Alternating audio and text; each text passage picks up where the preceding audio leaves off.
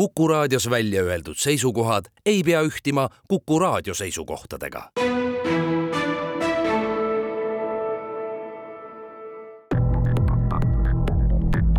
krimiraadio, Krimiraadio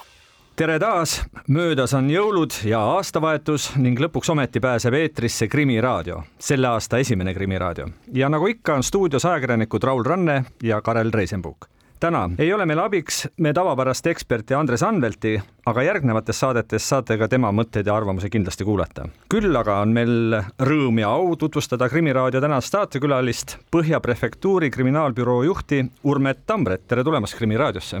tere teate, mis ühe lõppenud aasta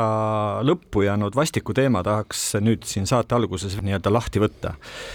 nagu teame, Põhja prefektuuri kriminaalbüroo ametnikud on käinud viimasel ajal Tabasalu vahet, seal asuva Pihlakodu hooldekodus. põhjuseks on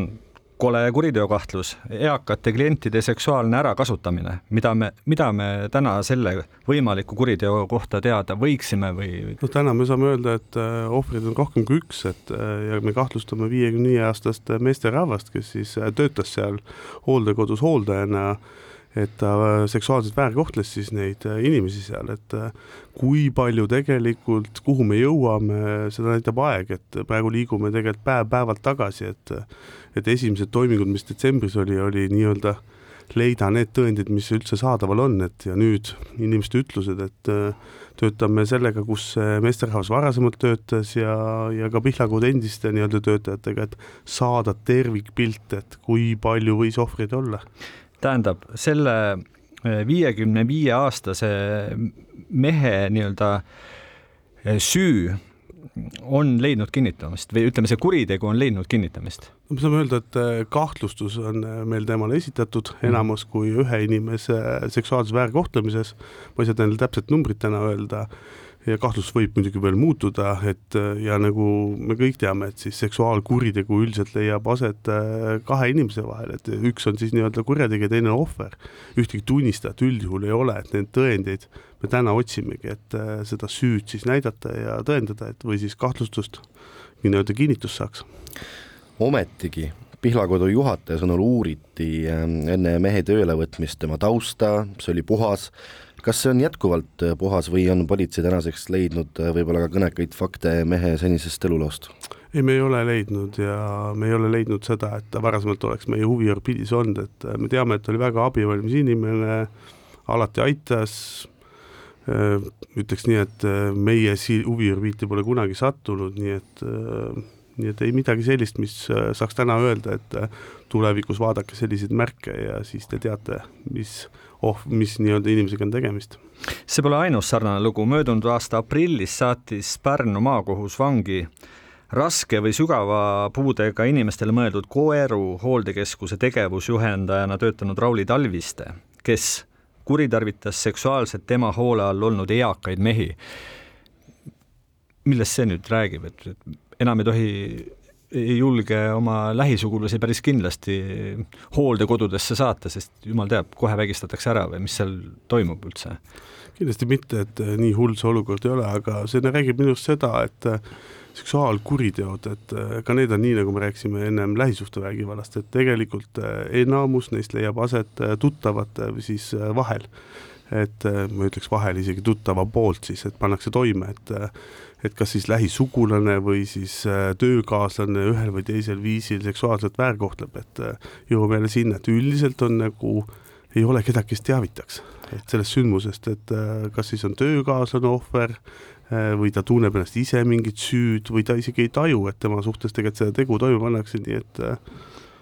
või on kon-, politsei vaates ikkagi mingisugused kontrollmehhanismid meil puudulikud, et ikkagi satuvad nendesse asutustesse tööle ikkagi ilmselgelt mingisugused hälbega inimesed või? no kindlasti tasuks üle vaadata ka riiklikult ja miks mitte hooldekodud ise võiksid ju üheskoos maha istuda ja vaadata, kas oli mingeid ühiseid jooni kõikide nende sündmustega, mis seal aset leidnud, et äh, võtta need viimasedki nii-öelda võimalused üldse ära tegelikult, mis on on tekkinud täna, me näeme no ma saan aru, et noh, detaili ei saa minna, detailidest ei saa rääkida, aga võib-olla natukene proovida kuidagi avada, et kuidas sarnaseid äh, juhtumeid üldse uuritakse, sest nagu te ka ise mitu korda olete maininud, siis ega ohvrid ise ju ei räägi, ega kõrvalolijad väga ei räägi? noh, üldjuhul me tegelikult saamegi viite, et äh, kuskilt kellelgi teiselt et ka selle juhtum, Pihlakodu juhtumi puhul tegelikult tuli ju viide ühelt teiselt töötajalt, et et nii on ka tegelikult enamus vist seksuaalvägivalla kuritegude puhul, et keegi märkab midagi käitumises ja on nii julge inimene ja et on kirjutanud politseile ja küsinud, et vaadake ka palun, et tundub väga kahtlane see tegevus seal, et ja läbi tegelikult niimoodi saabki kõik alguse. no aga edasine menetlus, see on ikka, ma kujutan ette, väga vaevaline ka politseiametnikele, kellel on küll ütleme, laiemad volitused inimeste käest noh, ütleme tunnistusi küsida, aga ikkagi noh, kui ikkagi need rääkijad tõenäoliselt mis iganes põhjustel võib-olla liiga altid rääkima ei ole ju. tõsi, et äh, mida rutem teada saame sellest sündmusest, tegelikult seda rohkem nagu tõendid üldse saadaval on, et äh, aga jah, rääkimine siis ehk siis tunnistajad on üks äh, peamine meie jaoks. Kui nüüd lugeda aastavahetust puudutavaid ülevaateid, siis tundub, et politseile ja ka päästjatele oli vist seekordne aastavahetus pigem suhteliselt rahulik. Tõsi, pigem äh, võiks küll liigitada seda rahulikumaks, et ega üldse tegelikult suurürituste või suurpidustuste ajal me valmistume natuke rohkem, aga statistika ei näitagi, et nagu nii palju meile tööd juurde tekiks, et pigem tekib tööd siis, kui on palgapäevad, et ja si-, nii et jah aga oleme ausad, neljakümne kaheksas kodus tähistati uue aasta saabumist äh, koduse vägivallaga. tuleb tunnistada, et mingid asjad on Eestis ikka vanaviisi. pidupäeval pekstakse ikka rohkem ja julmemalt. kahjuks küll, et eelmine aasta üle kolme tuhande kriminaalasja alustasime ja ja kõige hullem on selle asja juures tegelikult see, et äh, üle poolte juhtumitest näevad seda pealt ka lapsed, et äh, on siis kas vahetult ruumis või, või kõrvaltoas ja kuulevad seda vägivallatsemist ma ei tea, kas te näete, et nende nii-öelda kodus peksa saamistega on viimastel aastatel midagigi paremuse poole liikunud või on ikkagi need kodused sadistid lihtsalt sellised rafineeritumad ja ettevaatlikumad? noh, tegelikult ju natukene statistika näitab seda vähenemist, aga aga kui nüüd võtta natuke teadust, siis ju öeldakse, et see, kes vägivallatseb, äh, siis äh, ta saab ainult ju ennast ise kontrollida, et äh, ta ei saa tagasi lükata seda vägivallalainet enda sees. ta saab ise teadlikult seda joont hoida, et ta ei tarbi alkoholi ja siis ei, nii-öelda ei avaldu ka temast seda vägivalda, et kõik on selles inimese endas kinni, kes siis on see vägivallatseja tegelikult. lähisuhtevägivallast on tegelikult ju palju räägitud. miks see pilt meil ikkagi nii visalt paraneb? no sest tegelikult me ju, ma arvan, isegi politseis me uskusime tegelikult, et kui politsei läheb kohale ja alustab kriminaalmenetluse või räägib selle perega, et saab lahenduse, aga see ei ole nii lihtne, et äh, kõik jätkub? kõik jätkub, et elu näitab, et see on pikk protsess, kus kõik osapooled peavad tahtma osaleda, tahavad seda nii-öelda seisma saada, et et esimese hooga üldse veenda inimesi, et äh, palun teavitage, istume maha, arutame teie muresi, otsime lahendusi ja mis vahepeal tuleb ka lahku tegelikult minna mõnes juhtumis, et äh, ka need on julmad lahendused, et inimestele ei mm. sobi need tegelikult väga tihti kas politseil on nüüd selle teemaga seoses, kui vaadata alanud aastasse pikemalt ette, mingisugused ekstra aktsioonid plaanis, et noh, olukorda veelgi kuidagi sekkuda paremini, operatiivsemalt, et asjad ikkagi läheksid paremaks? noh, elu näitab, et kui me koos ikkagi saame tegutseda, siis olukord läheb paremaks, et ekstraktsiooniks saab kutsuda tegelikult ainult seda, et palun teavitage naabrid, pealtnägijad, esimene asi, mida tehke, palun teavitage, see on ainus viis, kuidas saab alguse, et kui juba politsei sekkub ühel või teisel viisil, siis üldjuhul tegelikult saame minema hakata vaikselt sammuma selle paremuse poole, et kui me ka ei tea ja vägivald toimub vaikides nii-öelda, siis, siis ei liigu ka asjad paremaks, nii et äh, naabrid, pealtnägijad, palun helistage politseile, kui te kuulete vägivallatsemist. kuidas politseinikke kuidagi ette valmistatakse või ma ei tea, koolitatakse ära tundma lähisuhtevägivalda, sest alati see ei ole ju nii kerge, kui kuskile väljakutsele minnakse. ja tõsi, et äh, vanasti me tegelikult äh, väga tihti ka loobusime sündmuskohal, et kui naine siis, kes oli ohver, ütles, et midagi ei juhtunud, siis me ju astusime sammu tagasi ja uskusime, et see nii oli, siis siis täna enam nii ei ole, et üle kümne tuhande nii-öelda teavituse teeme ka ise. Et meil on kindel protsess välja töötatud, et iga kord, kui me saame väljakutse, toimub ka järelkontroll, et olla veendunud, et seda ei juhtunud või siis juhtus. nii et äh, oleme õppinud oma vigadest. aga teeme siin väikese pausi. krimiraadio, Krimiraadio aasta esimene Krimiraadio jätkub, stuudios on ajakirjanikud Raul Ranne ja Karel Reisenbuk ning meie külaliseks on Põhja Prefektuuri kriminaalbüroo juht Urmet Tambre. Urmet Tambre, mida me narkokuritegudega võiksime sel aastal peale hakata või edaspidi? nagu reoveeuuringud ja muu statistika näitab, armastavad me inimesed kõikvõimalikke mõnuaineid aina rohkem. narko on popp ja noortepärane. kas me oleme ennetustöös midagi mööda pannud või millest see tuleb, et vaatamata kõikvõimalikele hoiatustele ja manitsustele tehakse mõnuaineid ikka rohkem? jah, et kui narkomaailmast rääkida, siis äh, narkootikumide üks suurim probleem on ju tegelikult see, et äh, nad äh, alguses teevad inimestel head, vähemalt neile tundub endale, et teeb head ja neid ei lubata ju sellepärast äh, tarvitada, et nende kõrvalmõju on niivõrd halb ja nii kahjulik ja ja lõpeb ka surmaga, et äh, enamus ju või väga paljud neist ainetest on ju tegelikult teaduslikult välja töötatudki selle jaoks, et inimestel head teha. Ja siis on leitud, et nende väga kahjulikud toimed ja sellepärast on need ka keelatud olnud, et äh, et kuidas inimesteni jõuda, et ühel päeval jõuab sinuni ka see kahjulik toime, jah, see on hea küsimus, et äh, inimesed on, otsivad mure korral mingit väljapääsu ja kui selleks on narkootside ained tema jaoks lahenduseks olnud, no siis nad haarabki täna käe sinna, et äh, peame riigina tegema kõik selleks, et see ei oleks nii, et äh, otsid mure korral ainetest äh, lahendust. aga te sellega olete nõus, et vaatamata kõikvõimalikele ennetuskampaaniatele, manitsustele, politsei tööle, inimesed ikkagi üsna kergelt võtavad mõne tableti või mõne pulbri järele, et seda on aina rohkem tegelikult ma isegi ei tea, kas nad võtavad kergelt. Äh, kui meie näeme juhtumit, siis me näeme tegelikult päris palju ka selliseid, kes noh, esmakordselt, et, et, et ta ikkagi kaalub ja mõtleb ja väga tihti ka lükatakse, tegelikult öeldakse ka ei, et me tegelikult nendest juhtumitest ju ei räägi, kus mm. inimene keeldub ainet tarvitamast, kus sõbra seltskonnas nii-öelda survestatakse teda, et pigem näeme siis neid, kes on juba murdunud äh, ja lahendusena siis aineid otsinud, et ja loomulikult riskikäitumisnoored nemad tahavad kõike katsetada, et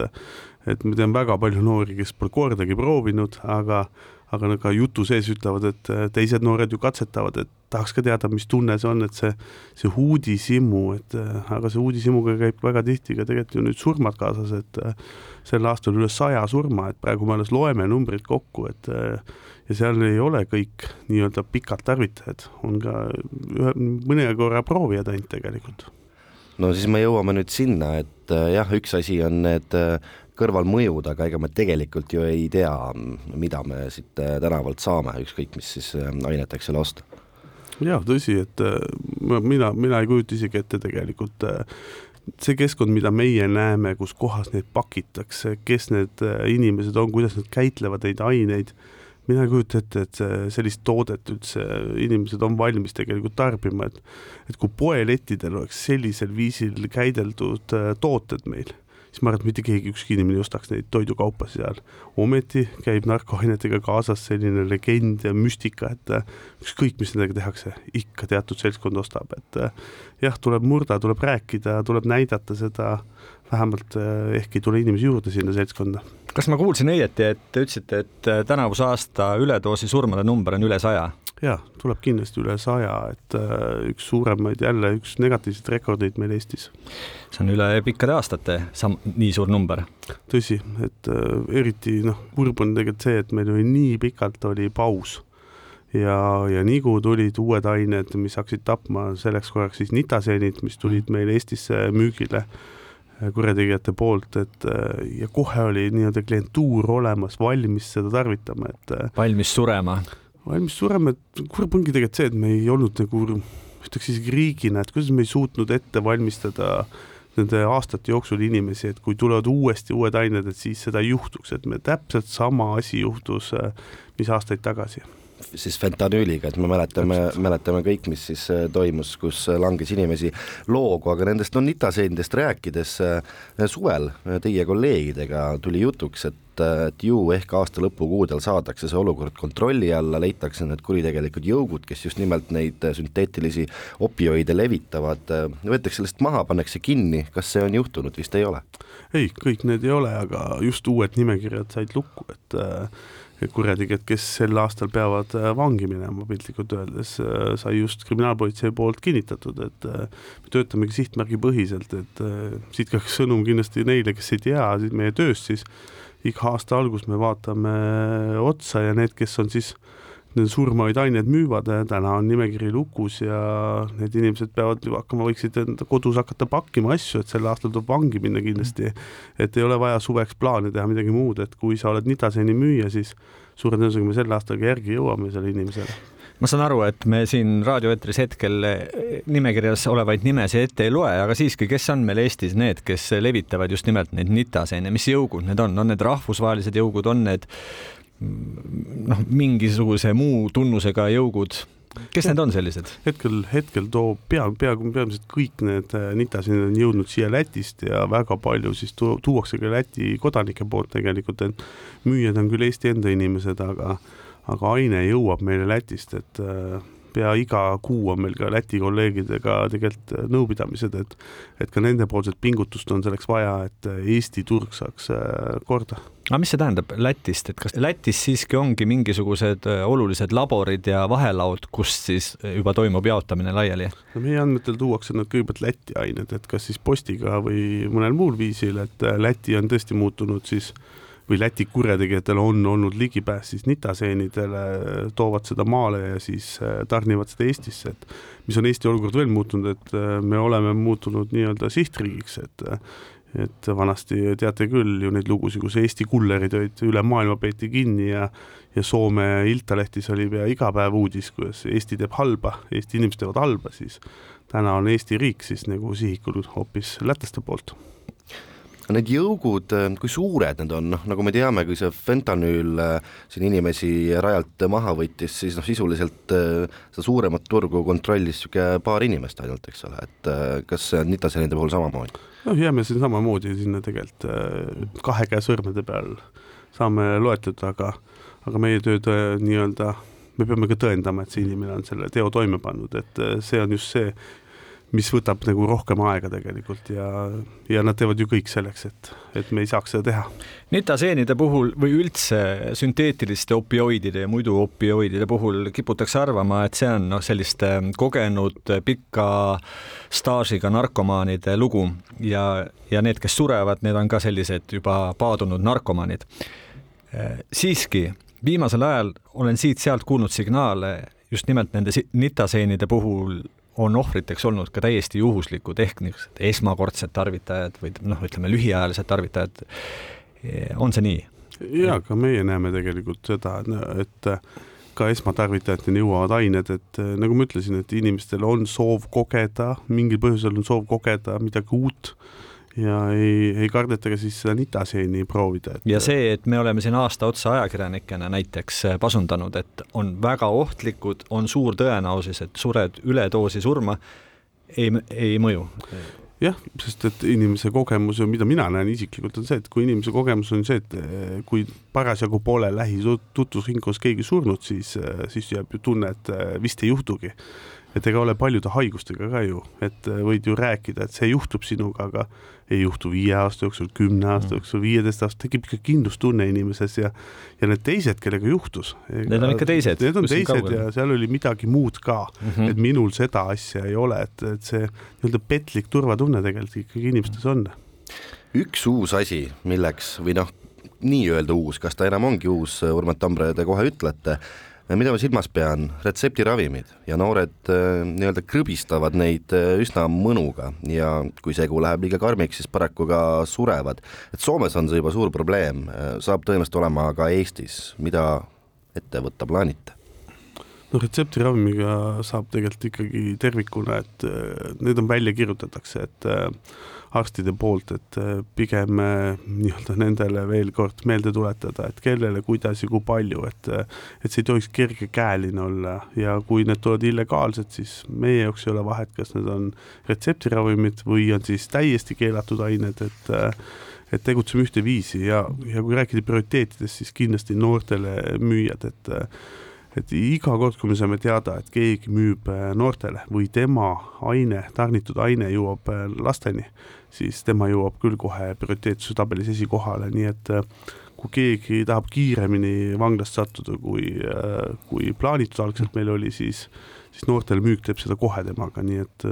et jätame lapsed ja noored sellest küll välja. aga kas on meil linnapilti viimasel ajal ilmunud rohkem äh, nii-öelda retseptivabrikuid või põrandaaluseid apteeke, noh, kes just nimelt on spetsialiseerunud nendele teatud sorti retseptiravimitele ja, ja tegutsevad siis? pigem ei ole, pigem on äh, niisugused, kuidas ma ütlen, kuidas kutsutakse, assortiimüüjad jah, kutsutakse vist neid, et äh, internetis. mis see tähendab? kes müüvad kõike, et neil on no. valikus kümneid ja kümneid, kui mitte isegi jah, sadu mõnedel äh, erinevaid tooteid ja kui keegi tellib, siis ta võib-olla siis tellib postiga alles endale, proovib sisse tellida selle, et äh, ja mida me veel näeme, on see, et välismaalt üritatakse siia müüma tulla, et mm. samamoodi võimaldab seda internet tegelikult, et tullakse kohale, renditakse korter, äh, pannakse kuskil sotsiaalmeediagrupis äh, nii-öelda müük püsti, inimestega ei kohtuta nii nagu oli näiteks meil siin ju magnetimees, mm. kes käis ja peitis kümneid ja sadu kohti, pani magnetiga aine külge ja kui inimene ostis, siis öeldi koordinaadid või mm. aadress mm. -hmm. et selliseid pigem tahab peale tulla nagu Eestisse sellised välkmüüjad tulevad, panevad oma magnetitega kogused või, või muudesse peedikutesse väikesed kogused ära, levitavad äh, nii-öelda infot, et asi on saadaval, võetakse ühendust, nad annavad koordinaadid ja müük käib ja lahkuvad koos raha täpselt. ka ja kõike. jah, ja kui panna veel, et äh, Bitcoinis müümine, siis äh, lahkuvad ka Eestist, et mm. on, lähevad teise riiki tegelikult, et tulevad Eestisse, istutavad kõik kohad aineid täis ja lahkuvad, et mm. see on meie jaoks kindlasti uus väljakutse politsei valdkonnas, kuidas neid püüda, et oleme neid tabanud juba, aga teistpidi on kindlasti tarvitajatele, et nad toovad kindlasti ka aineid, mida Eesti turul võib-olla ei olnud ja täiesti mhm. tundmatuid, et see võib ka kaasa tuua uusi mürgistuslaineid tegelikult noorte hulgas, kes just niimoodi ostavad? Ma ainult repliigi korras küsin, kuivõrd see magnetitega mis tahes peidukatesse narkootikumide ja muude ravimite kinnitamine ja peitmine käib, siis kui palju on viimasel ajal olnud juhtumeid või kas on olnud juhtumeid, kus mingisugune juhuslik laps on leidnud huvitava pakikese ja noh, võib-olla ka proovinud seal suhu panna midagi, et no ühesõnaga, et kui need ikka nii massiliselt igale poole sokutatakse, siis on ikkagi üsna suur tõenäosus, et täiesti kõrvalised lapsed või kes iganes leiavad need ja sellega võib kaasneda päris suured õnnetused. jah, kui niimoodi panna, siis vist aastas umbes viiel korral leitakse metsadest või linnaruumist, aga suurem mure on äh, laste puhul on, äh, alles meenub vist oli kuu aja tagune, kus äh, laps pani suhu lusika millelt oli siis äh, perre külla tulnud äh, sugulane tarvitanud ainet ja ta sai üledoosi, ta oli kuuekuune laps. Mm. ja ta oli meil kriitilises seisus haiglas, et õnneks arstid suutsid ta elu päästa, et ma loodan, et ka püsikahjustusi ei teki. Jään küll praegu vastuse võlgu selles osas, et ma tean, et me olime koos arstidega istusime ja olid väga murelikud, et äh, millised kahjustused lapsel on aga piisab ainult sellest, et äh, lusikas jäi laua peale, laps sai selle kätte ja pani suhu ja seal ei olnud otseselt ainet, olid ainult jäägid, nii et äh, see näitab, kui ohtlik tegelikult kui ohtlik, on. no selle tõdemusega läheme siit taas väikesele pausile. krimiraadio, Krimiraadio aasta esimene Krimiraadio jätkub, stuudios on jätkuvalt Raul Ranne ja Karel Reisenbuk ning me tänane külaline Põhja prefektuuri kriminaalbüroo juht Urmet Tambre. Urmet, turvafirmade inimesed räägivad, et äh, majanduslikult keerulised ajad on pannud inimesed äh, rohkem varastama. poodides ja kaubanduskeskustes on näha sellist juba ikkagi organiseerunud ja üsna agressiivseid jõuke, kas teil on sarnane tunnetus politseis? jaa, meil on mitte ainult tunnetus, et ka statistika, me lööme küll kokku, aga ilmselt tuleb kuskil kahekümne protsendine tõus ja ja peamiselt just vargused kauplustes, et ja tõepoolest, et äh, ühtepidi me näeme seda, et vist pea kuuskümmend protsenti inimesi varastab tegelikult toiduaineid äh, selleks, et elus püsida ja siis ähm, ülejäänud, nemad on siis leidnud sellest kui võimaliku viisi teenimiseks, et äh, tõesti see nii on. kas see, kui nüüd ütleme, vargusjuhtum jõuab politseisse, kas me räägime mingisugusest hinna või ütleme siis rahalise kahju tasemest või jõuavad teieni ikkagi kõik Ernekomi ja kohvipaki vargused? no üldjuhul on vist äh, ikka juba nii, et äh, ettevõtted ise panevad tegelikult päris paki kokku juba meie jaoks, et mm. nad igatepidi aitame ja toetavad seda, et otsivad välja nii turvasalvestuse videod, kõik kahjud ja ühe inimese teod ja siis teevad ühe avaldusena mm.. et see, et inimestel on võib-olla jäänud tunnetus, et näe, ühe korra varastasin kaks korda ja ma ei jäänud kohe vahele siis see on küll petlik neile, ma saan küll kinnitada, et see paari, kolme-nelja nädala pärast lähed poodi, võtad jälle ja siis võetakse sind turvameeste poolt kinni ja siis on ka valmis pandud kogu see pakett sinu jaoks. aga kakskümmend protsenti on tõusnud siis nende avalduste arv, mis on politseisse antud, jah? täpselt, et äh, eks, eks poemüüjad ise teavad tegelikult, kui palju see on tõusnud, et äh, mina isiklikult tunnetan, et äh, see on isegi rohkem tõusnud, et meieni tõepoolest kõik ei jõua, et noh, ei ole ka tegelikult ka mõistlik politseile saata iga päev kõiki avaldusi, et pigem ma näengi siin väga head koostööd tegelikult kaubandusettevõtetega need sisuliselt äh, pildid on äh, turvaruumis seinte peal? sisuliselt küll, et äh, ei ole need inimesed teadmata, et ja ka küll see ka karistus saabub, et see näiline, et ma võin kõike teha, et see, see ongi natuke näiline. kas see varastamine on laienenud nüüd suurtest kaubanduskeskustest ja poodidest ka mujale, näiteks korteritesse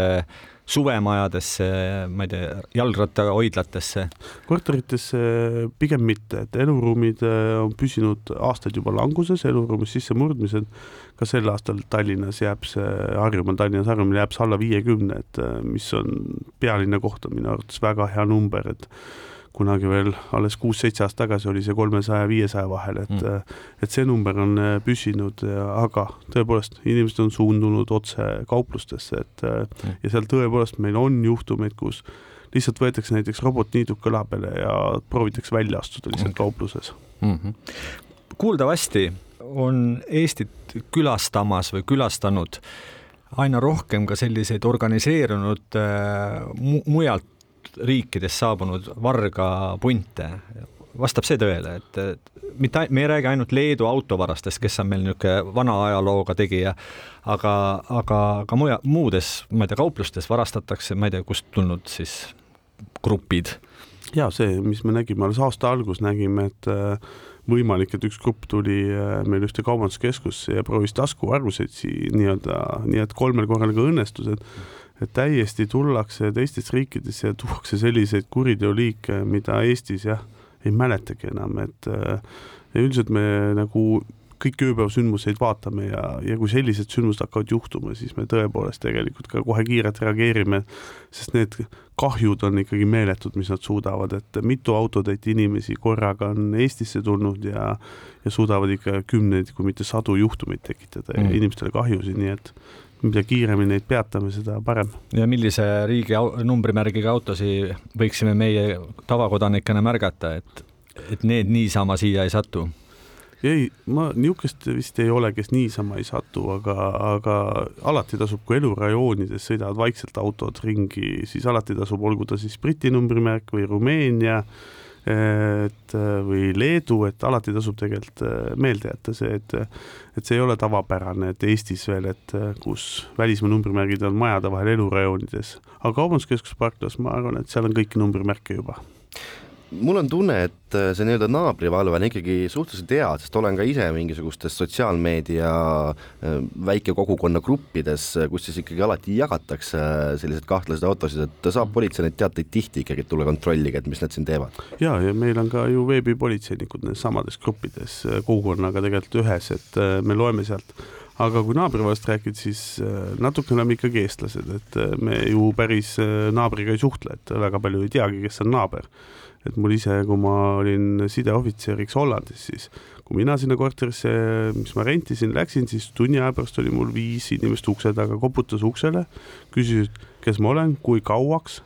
kas kodukorda tean ja kõike muud. et äh, Eestis sellist asja ma kohanud ei ole, kus äh, kolid uude kohta ja paari tunni pärast on kogu küla sinu juures ja tahavad täpselt teada saada, mitu inimest, mitu autot ja kõike muud, et tulevikus saaks jälgida ja kaitsta ka ühtepidi Urmet, räägime ka veel ühest teie nii-öelda lemmikteemast ehk siis äh, kõikvõimalikest neti- ja telefonikelmidest, kellega te olete ju tegelenud siin juba mitu-mitu aastat ja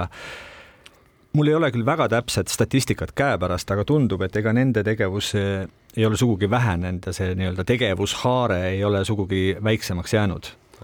ja selles, selles mõttes küll võiks öelda, et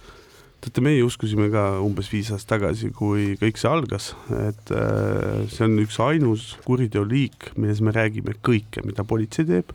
ja mil-, ja kui sündmused juhtuvad, siis me anname viie minuti pärast detailselt kõik sündmused välja.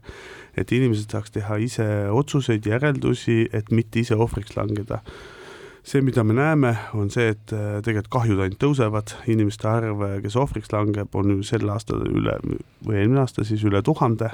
kahjud on seal kümne miljoni juures ja see ei tööta, me oleme, ma arvan, pressiteateid teinud vist ajalooliselt kõige rohkem selles teemas. raadiot, televisioon, ei ole vist kohta, kus ei ole sellest räägitud. aga sellegipoolest, kui tuleb telefonikõne ja teiselt pool öeldakse, tere, ma helistan pangast, soovime mm. PIN kahte koodi, et sisestate, siis millegipärast see ikkagi juhtub, et. no öelge, miks? ma ei tea, kui. milles asi on? kui keegi teab, äh, mida me peaksime teistmoodi tegema, et ja meil on töö teada, et kogu Euroopa politsei tegelikult töötab, et need kõnekeskuseid kinni panna, et see on meie kindel töö ja ja neid ka pannakse kinni, aga nagu ma vist varasemalt ütlenud, et ühes kõnekeskuses ainuüksi, mida meie uurisime, vahepeal oli üle nelja tuhande töötaja, et äh, kui võtta neid, et neid kõnekeskuseid võib olla Euroopas sadu, siis kui palju inimesi osaleb selles, et helistada, see, see lihtsalt puhtfüüsiliselt ei ole võimalik äh, kõiki neid inimesi vanglasse saata, et, äh, et me peame iseennast kaitsma, et ja midagi muud ei, tuleb endale lihtsalt pähe taguda selle, et PIN kaks on allkiri ja seda ei tohi panna siis, kui keegi helistab. ja politseid võib, vabandust, aga eriti närvi vist ajada ka see, kui ikkagi kiputakse ka teiena esinema ja ka meiena ja nüüd tehakse meie töötõendeid järgi ja nüüd ka mingi aeg broneeritakse meie teenindussaali aegasi, et inimesel saata, et veenda seda, et tegemist on politseikõnega, et nad astuvad samm-sammult kogu aeg edasi ja et inimesed ikkagi teeksid selle ülekande ära, aga lõpp, päeva lõpuks on vaja inimesel ikkagi see ülekanne teha. Ja selle ta teeb üldjuhul ise, et, et kui ta on juba seal konksu otsas, siis see, see, see on see mõistlik aeg veel on talle antud, et kirjutage kasvõi omale seina peale, telefoni peale, et PIN kahte ei sisesta, et et kui vahest tulebki see väga usutav kõne ja sa hakkad seda tegema, et siis sa viimane hetk näed seda silti, et ära vajuta sinna peale ma ei imestaks üldse, kui nüüd siin üsna lähiajal äh, saad äh, isikliku personaalse kirja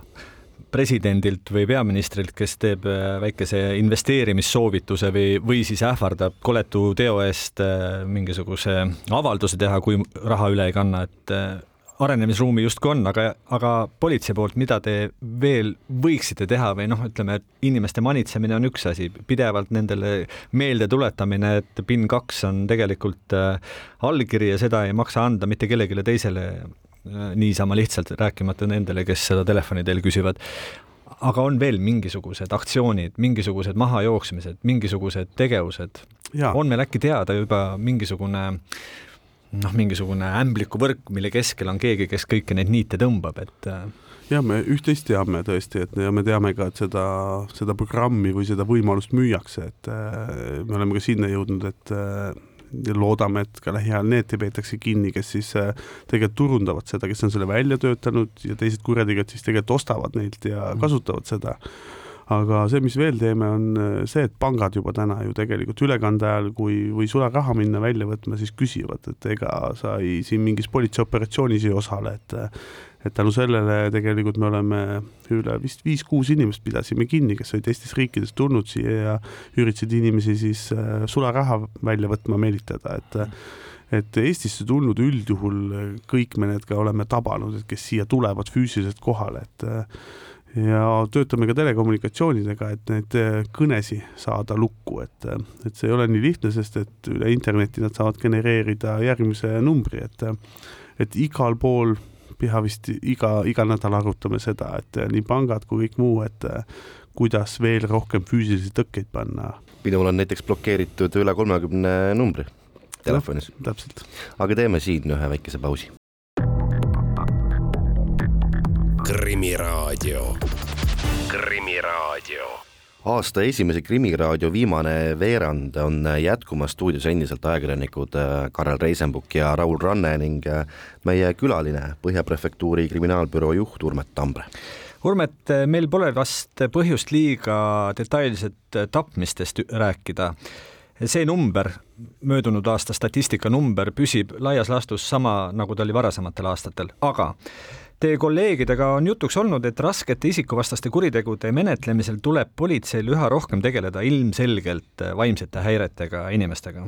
kas see on nii, ma küsin kõigepealt üle jaa, et meie tunnetus on küll selline, et nojah, nad on süüdivad, et äh, ei ole süüdimatud, aga meie tunnetus on küll selline, et äh, inimestel on väga palju vaimseid probleeme ja nemad on ka toime pannud neid raskeid kuritegusid. aga kirjeldage pisut, et noh, mis laadi on, kui ütleme, inimene on justkui süüdiv, kõik on selles osas nagu paigas, aga samas teil on tunnetus, et mingisugused vaimsed probleemid on, siis noh noh, kui võtame siin mõned hiljutised sündmused, siis äh, ühe juhtumi puhul siis inimene arvas, et teine pool, äh, tema armastas seda naisterahvast ja arvas, et naisterahvas peab teda ka armastama, et kuidas saab nii olla, et ei ole ja ta nii kaua endale korrutas seda, kui ta hakkas ise uskuma seda ja ja kui teine pool ütles ei, siis see oli temale solvang, et äh, ja nii edasi, et äh, noh, inimene paneb enda pähe mingi sellise kinnise idee, millest, mis viib tapmiseni lõpuks, ma ei tea, mina ei pea seda heaks terviseks. me räägime siis äh eile süüdi mõistetud äh, Dmitri Voroninist, äh, kellele viisteist aastat vangistust mõisteti siis äh, lillepõmmüüja tapmisest. jah, et ka noh, täpselt tema juhtum oli väga traagiline ikkagi, kuidas see sinnamaani jõudis, et ma isegi mäletan seda teadet, et kui kui ohver jäi kadunuks ja me sinna sisse vaatasime ja me saime aru, et, et võimalik, et on kõige hullem asi üldse juhtunud, et kuidas see terve õhtu me töötasime, kuni leidsime ta, et, et väga traagiline, et aga ikkagi, kas see on äh, üksikjuhtum või me ikkagi räägime mingisugusest trendist, et te näete, et, et sääraseid selliseid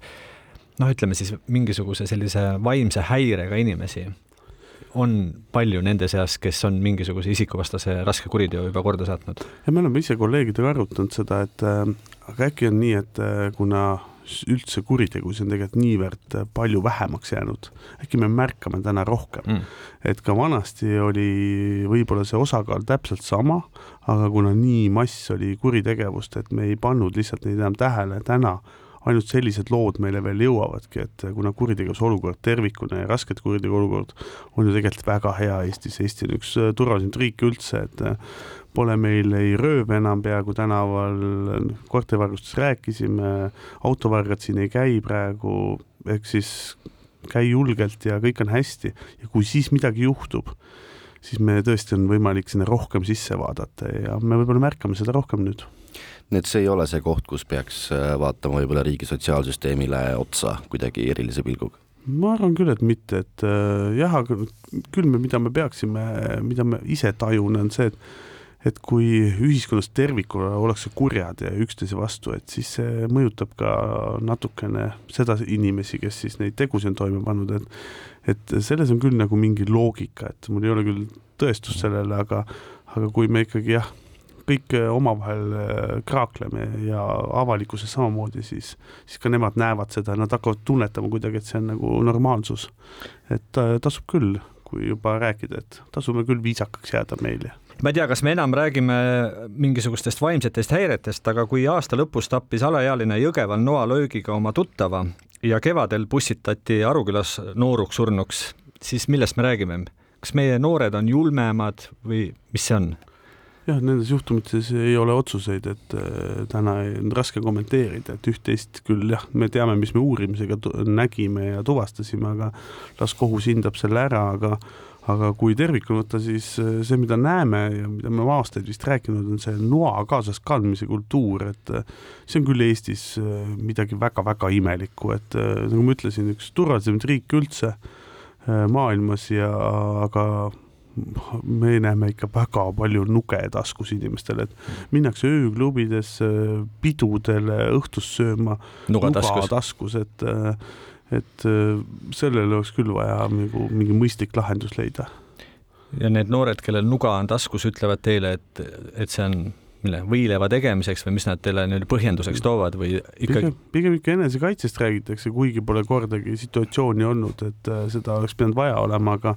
kuskilt on see tunnetus nagu tekkinud, et äh, peaks noa võtma, et siin on küll vanematel, et me oleme ka väga palju tihti vanematega rääkinud, et nad üldjuhul märkasid seda juba, et näiteks noorel oli ka, et jah, ta võttis kogu aeg noa kaasa ja ja tal oli see nuga olemas, et äh, tasub küll istuda maha ja küsida, et miks sul see nuga peab olema, et äh, siin on väga palju meil veel ära teha. kõik ei ole meil ikkagi matkamehed, kes ringi kõnnivad. Urmet, ähm, kui te näiteks möödunud aastale tagasi mõtlete, siis kas äh, midagi oli hästi ka? jaa, ei ma arvan, et väga palju oli hästi, et me ei saa ju rääkida nendest äh, kuritegudest, äh, mida ei juhtunud, et et meil just praegu sai aasta kriminaalpolitseiniku tiitliga analüütik, kes tegelikult hoiab kuritegusid ära.